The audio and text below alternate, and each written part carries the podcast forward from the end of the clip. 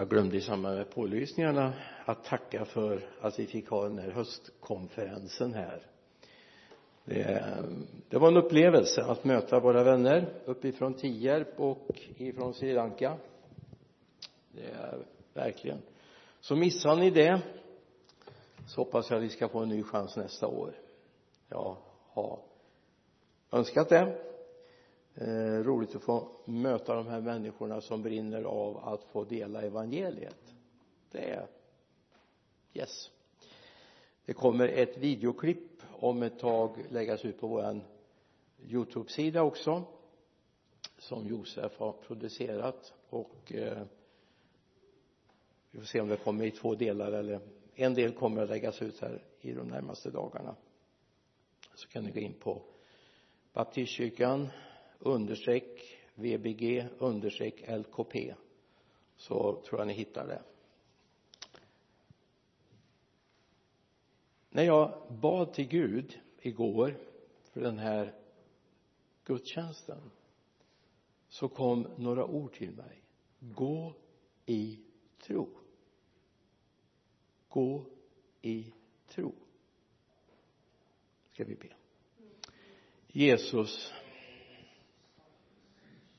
jag ber att du ska hjälpa oss att få fotfäste i din värld. Herre att vi ska få känna trygghet tillförsikt när vi ibland får göra det som människor i det här samhället, den här världen inte vanligtvis gör. Men vi gör det därför att vi vågar gå med dig. Herre jag ber för varje hjärta nu. Jag ber för varje förmåga att ta emot. Och Herre där vi inte kunskapsmässigt kan ta emot så ber jag att vår ande ska bara registrera. Vi ber om det i Jesu namn. Amen. Jag vill ta dig med till ett bibelord i andra Korinthierbrevet det femte kapitlet vi börjar med att läsa vers 6 andra Korinthierbrevet 5, 6 och några verser framöver. Därför är vi alltid vid gott mod även om vi vet att vi är borta från Herren så länge vi är hemma i kroppen. Vi lever här i tro utan att se. Men vi är ändå vid gott mod och skulle hellre flytta bort från kroppen och vara hemma hos Herren. Därför sätter vi en ära i att vara till behag för honom vare sig vi är hemma eller borta. Vi måste alla träda fram inför Kristi domstol för att var och en ska få igen vad han har gjort här i livet gott eller ont. Låt oss titta på vers 7 igen. Vi lever här i tro utan att se. Får jag ta bara en enkel bild? Det är snart vinter. Och snart ska ni börja skrapa rutorna på bilarna igen. Underbart. Eh, ni ser fram emot det förstår jag. Känns ljuvligt? Vi bor i höga norden. Finns vinter här. Det är nästan så att man tror att man både inom SJ och i många andra sammanhang har missat att vi faktiskt har vinter en gång om året. Så tåg blir inställda och det blir snökaos och och värre är det här i södra Sverige än vad det var uppe i Norrland där vi bodde en period. Det, var, det visste man att det var vinter varje år. Man till och med på stadsplanen när man ritade in tomter så var det på varje plan inplanerat var snön skulle göras av var man skulle deponera den när man höll på att skotta av snön från gården. Det har jag aldrig sett på några byggplaner här i södra Sverige. Utan man blir lika överraskad varje gång. Med det här att vi kommer mot vinter och vi skrapar rutorna så gör vi ju det inte för att bilen ska bli fin i första hand. Det är inte så att du står och skrapar rutorna på, bara för att grannarna ska tycka att du har en fin bil. Utan det finns en praktisk anledning du ska se bra när du kör. Eller hur? När jag går till mitt jobb ibland på morgnarna på vintern så kommer en del bilar som man tror att de är rullande iglos de har skrapat en liten liten ruta mitt framför där man ska se. Och sen sitter man och andas där inne och så blir det imma på och så ser de ingenting så sitter de och skrapar med handen. Jag tror inte det är bra men en del är så här att de tänker så här att det här med talet om tro att vandra i tro det är så som om det är någon eller konstigt. Det är någon chansning att gå i tro. Man chansar. Men det är inte det vi talar om. Vi talar om att vandra i tro på Jesus. Att leva i tro på Jesus och det är ingen chansning. Det är inte att köra med en bil med igenisade rutor på och hoppas att man inte träffar någon fotgängare eller någon vägmärke eller kommer över på fel sida. En del känner tro det, det är något sånt där flummigt som en del religiösa håller på med. Men det är inte det det handlar om. Tro är en fast tillförsikt. Det är något tryggt. För tron är inte en tro på min tro jag menar den här berättelsen har kanske berättats hundratusentals gånger men låt mig få använda den igen. Kvinnan som hade varit i gudstjänsten och hört att man skulle tro man kunde be i tro att då försvann saker. Och så har någon hört om det här med att om man hade tillräckligt med tro så skulle man kunna säga till det här berget det skulle kunna kasta sig i havet. Ja men jag vill inte kasta varken Halla eller Hullneberg i havet och inte Kinnekulle heller utan jag är glad för att de finns. Men hon hade hört det här och så hade hon precis utanför köksfönstret en jättestor sten som skymde sikten för henne. Så hon tänkte jag ska praktisera. Så när hon drar ner rullgardinen på kvällen så börjar hon be Jesus nu tror jag att det här berget, den här stenen ska vara borta imorgon bitti när jag vaknar. Och hon går hela kvällen och säger jag tror att den här stenen ska vara borta när jag drar upp rullgardinen imorgon. Så går hon och lägger sig och så ber hon sin aftonbön och så ber hon Jesus du vet att jag tror att den här stenen ska vara borta när jag vaknar imorgon. Och så kommer morgonen. Hon ska ner och ta sitt morgonkaffe. Och så drar hon upp rullgardinen och stenen är kvar. Vad är det hon säger? Det var väl det jag trodde. Hon fick ju det hon trodde, eller hur? Stenen var kvar alltså det finns de som tror att tron är något mystiskt, något konstigt. Nej, vi ska veta. Ja, men jag vet. Därför tron har gett mig en visshet.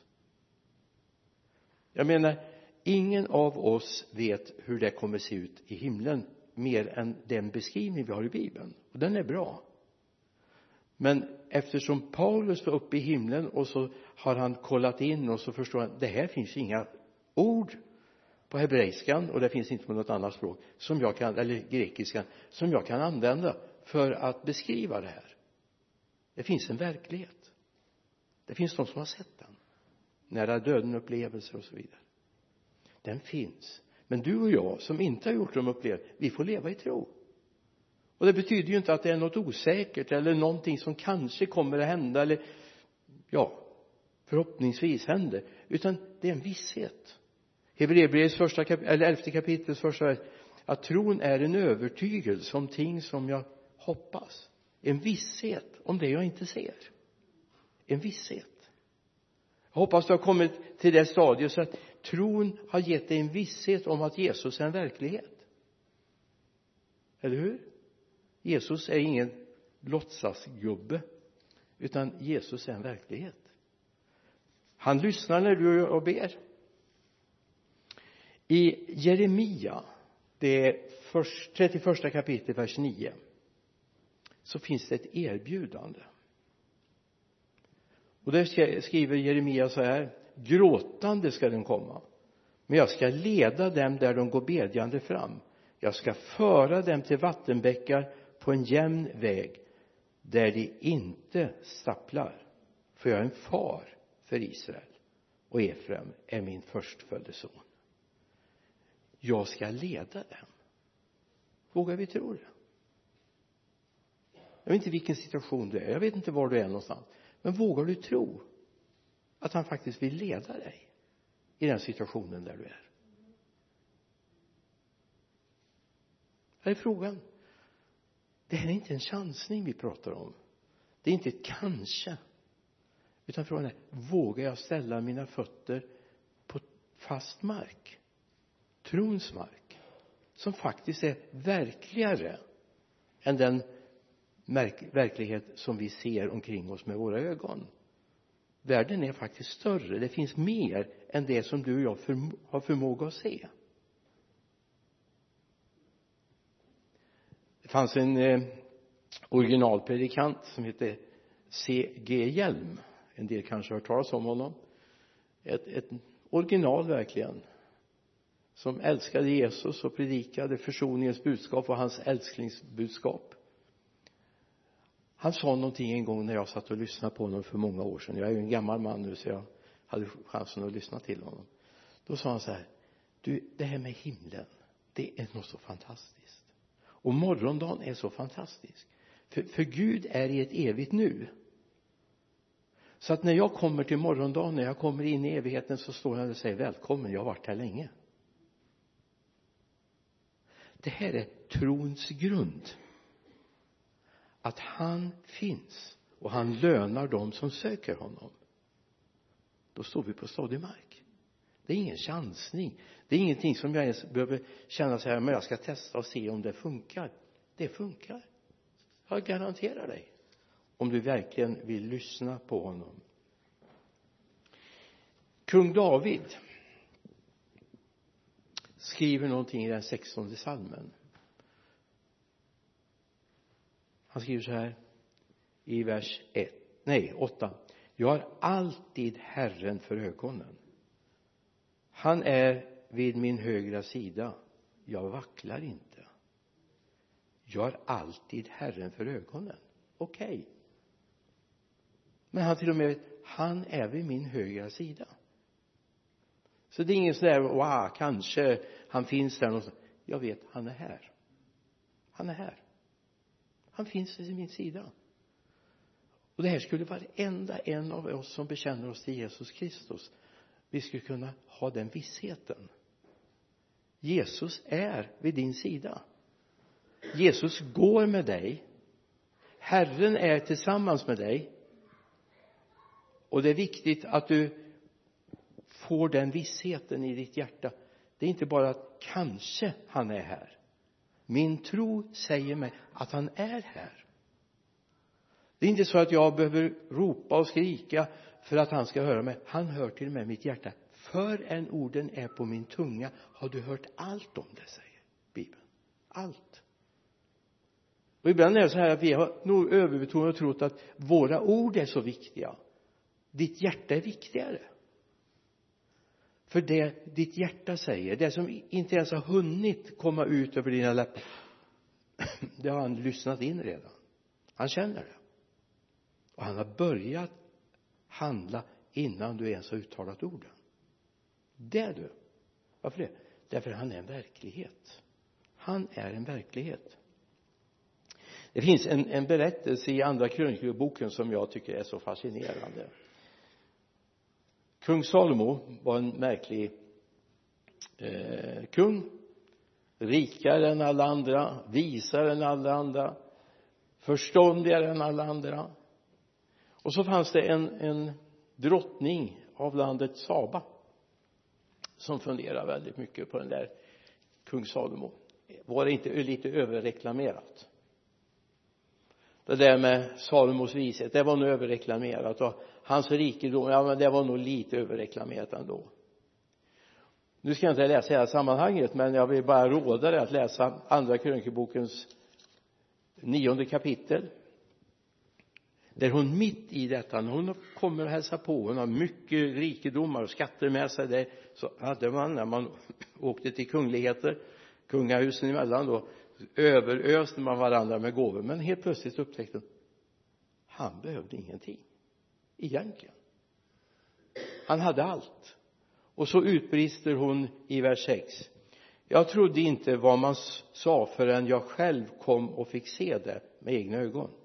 Men se vidden av din vishet har inte ens till hälften blivit omtalad för mig. Du överträffar det rykte jag hade hört. Och så skriver de lyckliga de män som får tjäna dig och så vidare och så tänkte jag så här okej det här handlar om Salomo. Men frågan är om det handlar om, om dig och mig. Och vår relation till himlarnas Gud. Den dagen vi får möta honom och se hans härlighet så kommer vi precis som drottning ifrån Saba. Vi kommer att bli lika fascinerade inte ens hälften har blivit berättat jag på att säga jag tror inte ens en tredjedel inte en tiondel har blivit berättat om den rikedom som finns hos Gud.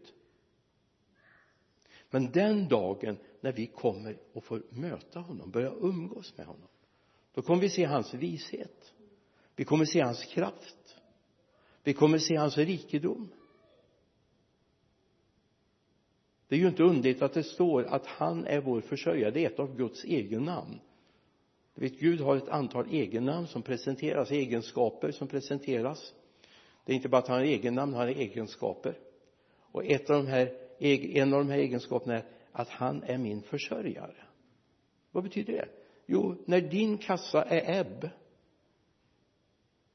när din kassa är tom så kan Gud börja fylla på.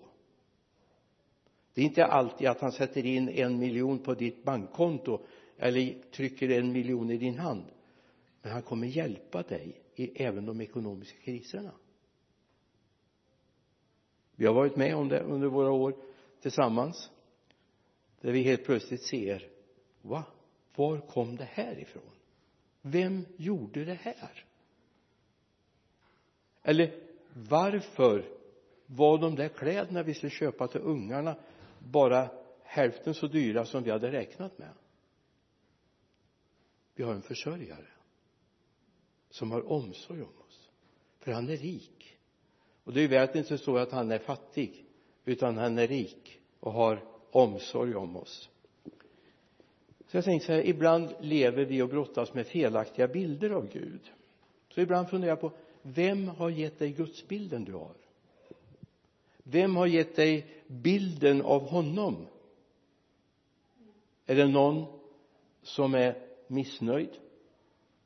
Någon som inte tycker han har fått det han vill ha. Någon som inte går med Gud. Vem har gett dig bilden av Gud?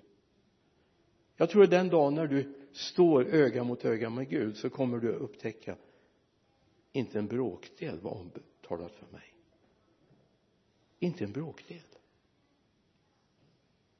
Gud är så mycket större vi pratade lite grann tillsammans här idag när vi satt här. Jag tror det var Håkan och jag som satt här inne och hade lite filosofiska tankar för oss eller teologiska kanske snarare säga vem räcker till? Vem är tillräckligt, tillräckligt kristen för att passa i himlen? Jag ska inte be om en handuppräckning. Du som är tillräckligt präktig för att passa i himlen jag hoppas inte någon räcker upp hand för ingen av oss klarar av det. Men det finns ett ord en verklighet och det är nåd. Det finns en som har betalat priset. Och det enda jag har att kasta mig på det är nåden. I Efesierbrevets andra kapitel verserna 8 till 10 kan du läsa. Ty av nåden är ni frälsta. Inte på grund av er själva Guds gåva är det. Har du tagit emot den gåvan? Han är så rik så han har plats för oss som är lite halvdana ibland. Nåden räcker. Det är inte så att vi ska synda på nåden. Det är Paulus väldigt tydlig med. Vi ska inte synda på nåden. Men ibland trampar vi fel tänker fel blir upprörda på människor på ett sätt som vi inte borde vara och kanske helt orättvist ibland. Och då kan man fundera platsar jag i himlen? Mitt entydiga svar är ja. Om du räknar med hans nåd. Och det betyder att vi har en Gud som är så generös. En Gud som ser bortom vår fullkomlighet eller försök till fullkomlighet. Och alla våra misslyckanden. En Gud som är större. Och jag vill bara skicka med det. Se att Gud är större.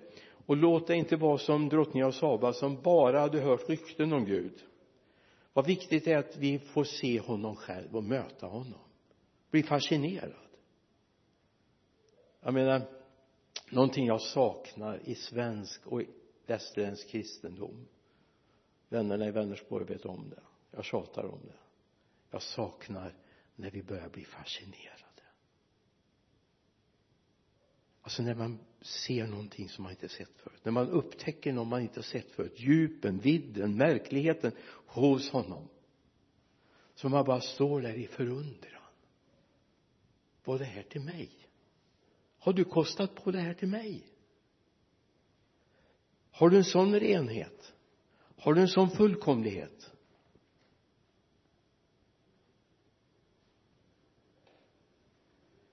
Fundera han är värd att bli fascinerad av. Han som bar bort vår synd. Vi har misslyckats. Nu är det så här att när vi talar om synd det, det är ett jättesvårt uttryck i, i vår tid därför man talar om allt det man har gjort. Man har varit dum, man har burit sig illa åt och så vidare. Synd handlar om att jag går mot fel mål. Och går jag inte den väg som han har tänkt för mig så går jag fel väg. Och då syndar jag hur snäll jag än är hur duktig jag än är hur gullig jag än är mot grannarna så syndar jag om jag går åt ett annat håll än han vill. Men även om jag gör det så förlåter han mig om jag vänder mig till honom.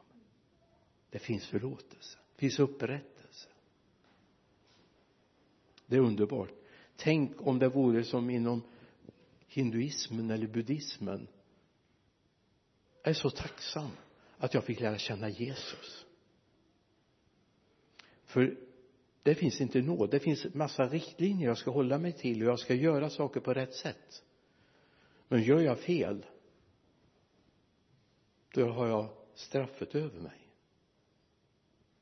Men det kristna budskapet handlar om nåd. För vi vet att vi är misslyckade vi gör fel ibland. Vi tänker fel. Vi är inte så kärleksfulla som vi borde vara. Men det finns nåd hos Gud. Det är det budskapet handlar om. Och när vi får se honom, möta honom och kommer in i en trons dimension ihop med honom. I trons värld så möter vi en paradox. Låt mig få ta med dig till ett ord i Hebreerbrevet. 11, 27 det står om Mose. Alltså han har kommit in i trons värld här. Vers 27 genom tron lämnade han Egypten utan att frukta kungens vrede. Han höll ut därför han liksom såg den osynliga. Wow. Alltså den osynliga, alltså guden blev så verklig för honom på grund av tron så han vågade gå även om det var mot alla konventioner. Han drog förbannelse över sig därför han lämnade den uppväxt han hade haft. Han tog med sig folket och gick ut därifrån som hade tjänat som slavar i Egypten. Men han såg någonting. Han såg liksom den osynliga. Wow. Det här är en paradox men det är sant när jag kliver in i trons värld när jag lever kvar i den här världens tänkande då har jag ingen möjlighet att se att det finns en osynlig Gud som faktiskt bryr sig om mig. Men när Gud får föra in mina fötter på trons område då ser jag nu, då öppnas mina ögon och jag till och med ser det osynliga. Det här är fantastiskt. Att få komma in i den paradoxen att jag lämnar den här världen i Kolosserbrevet 1 och 15 står det om Jesus. Och så han är den osynlige Gudens avbild. Förstfödd före allt skapat för i honom skapas allt i himlen och på jorden. Synligt osynligt tronförstar herradömen härskare och makter. Allt är skapat genom honom och till honom. Vet du om? När du föddes när du såg gjorde ditt första skrik i den här världen så fanns det en bestämmelse över dig. Du var hans. Och kom ihåg han har inte släppt det. En stulen egendom är fortfarande dens egendom som ägde den från början. Så även om människor är stulna bort ifrån Gud så är de fortfarande Guds egendom. Du är skapade för honom. Och så vill Gud föra in dig i trons område med trons perspektiv så att du ser honom. Och likt drottningen från Saba bara blir fascinerad av rikedomen av visheten, av kunskapen, av makten. Och den kärleksfullhet. För vad är det hon framförallt fascineras av det är hur han behandlar sina tjänare. Han är hon är helt fascinerad av hur han behandlar sina som skulle vara hans slavar, hans dolos. Med den kärlek och de får äta rätter som hon aldrig hade sett förut. Och det här kan du få se. I Guds värld. Gud är vår tid, om jag får säga då Salomo. Med den rikhet rikedom den vishet som till och med överträffade Salomo. Eller hur? Och den får du tjäna. Han vill flytta in hos dig. Han vill börja umgås med dig. Visst han är inte nogräknad. Han vill umgås med oss. Oavsett var du har din uppväxt om det är slott eller koja ute på gatan eller i palatset. Alltså Gud umgås med dem som vill umgås med honom. Med all sin rikedom all sin härlighet all sin makt men då behöver vi komma in i trons värld. Det här handlar om tro. Jag tror. Jag tror. Därför öppnas mina ögon. Därför ser jag den osynlige därför vandrar jag tillsammans med honom i den här världen. Vi lever här i tro utan att se. Alltså vi lever i tro utan att våra fysiska ögon ser. Jag brukar säga ibland jag vet inte hur många som vet det men jag brottas väldigt mycket med min syn jag har bara 16 procent syn så läser jag fel ibland så beror det på det. Och så var det någon som frågade mig här för ett tag sedan hur är det? Ehm, hur är det med din syn? Och jag kan faktiskt ärligt säga det är bra. Ja men ser du inte bra, dåligt? Jo jag ser dåligt. Men du vet jag är gladare för att den här synen finns. Att jag ser Herren att jag vandrar tillsammans med honom. Att jag kan säga god morgon till honom varje morgon. Ja till och med han är före mig och säger god morgon till mig. Visst är det ljuvligt? Därför jag lever i en dimension som genom Jesus Kristus och frälsningen och det nya livet har jag fått en ny dimension på mitt liv. En trons dimension det är inte någon övertro det är inte någon förhoppnings utan jag lever i en verklighet. Och jag går tillsammans med honom och jag vet att det inte han har gjort det kan inte jag göra. Det han inte har beslutat att jag ska göra det ska jag inte göra. Och då kommer hur kommer man in i den här trons värld? Två saker. Du måste börja umgås med Gud. Och gör jag det läs bibeln. Och så vet du det finns en väldigt liten enkel beskrivning för en del säger så här ja men jag förstår inte vad jag läser. Då säger jag grattis välkommen in i klubben. Är det någon som kan räcka upp handen och säga jag förstår allt jag läser i bibeln. Jag ser inga händer. Nej det finns saker som vi inte förstår. Men eh, då vill jag ställa en fråga till dig. När du äter en smörgås kan du beskriva hela matspjälkningsapparaten för mig? Exakt vilka enzymer som sätter igång och vad som händer.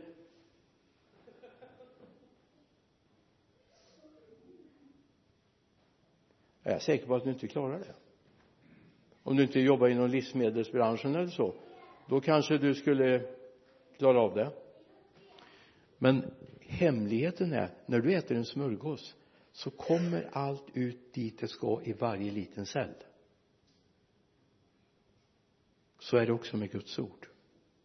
Därför Gud är den som sköter din andliga matspjältningsapparat. Och du växer även om du inte förstår allt. Och det är bra att du äter av Guds ord. Punkt två. Jag vet inte hur du har med ditt böneliv. Du kanske mer ber mest pliktskyldigast. Ja det är bra jag kan tala om för dig precis som när jag ringer med min telefon och det är någon som svarar i andra ändan. Jag menar jag tycker det är görtråkigt att ringa till telefonsvarare och prata med dem. Jag älskar inte telefonsvarare. Häromdagen gick jag på en riktig nit. Jag ringde till en person på en, och en telefonsvarare och det lät precis som om det var den personen som svarade. Så jag började diskutera med den men fick ju inget svar när jag helt plötsligt upptäckte men det var en telefonsvarare.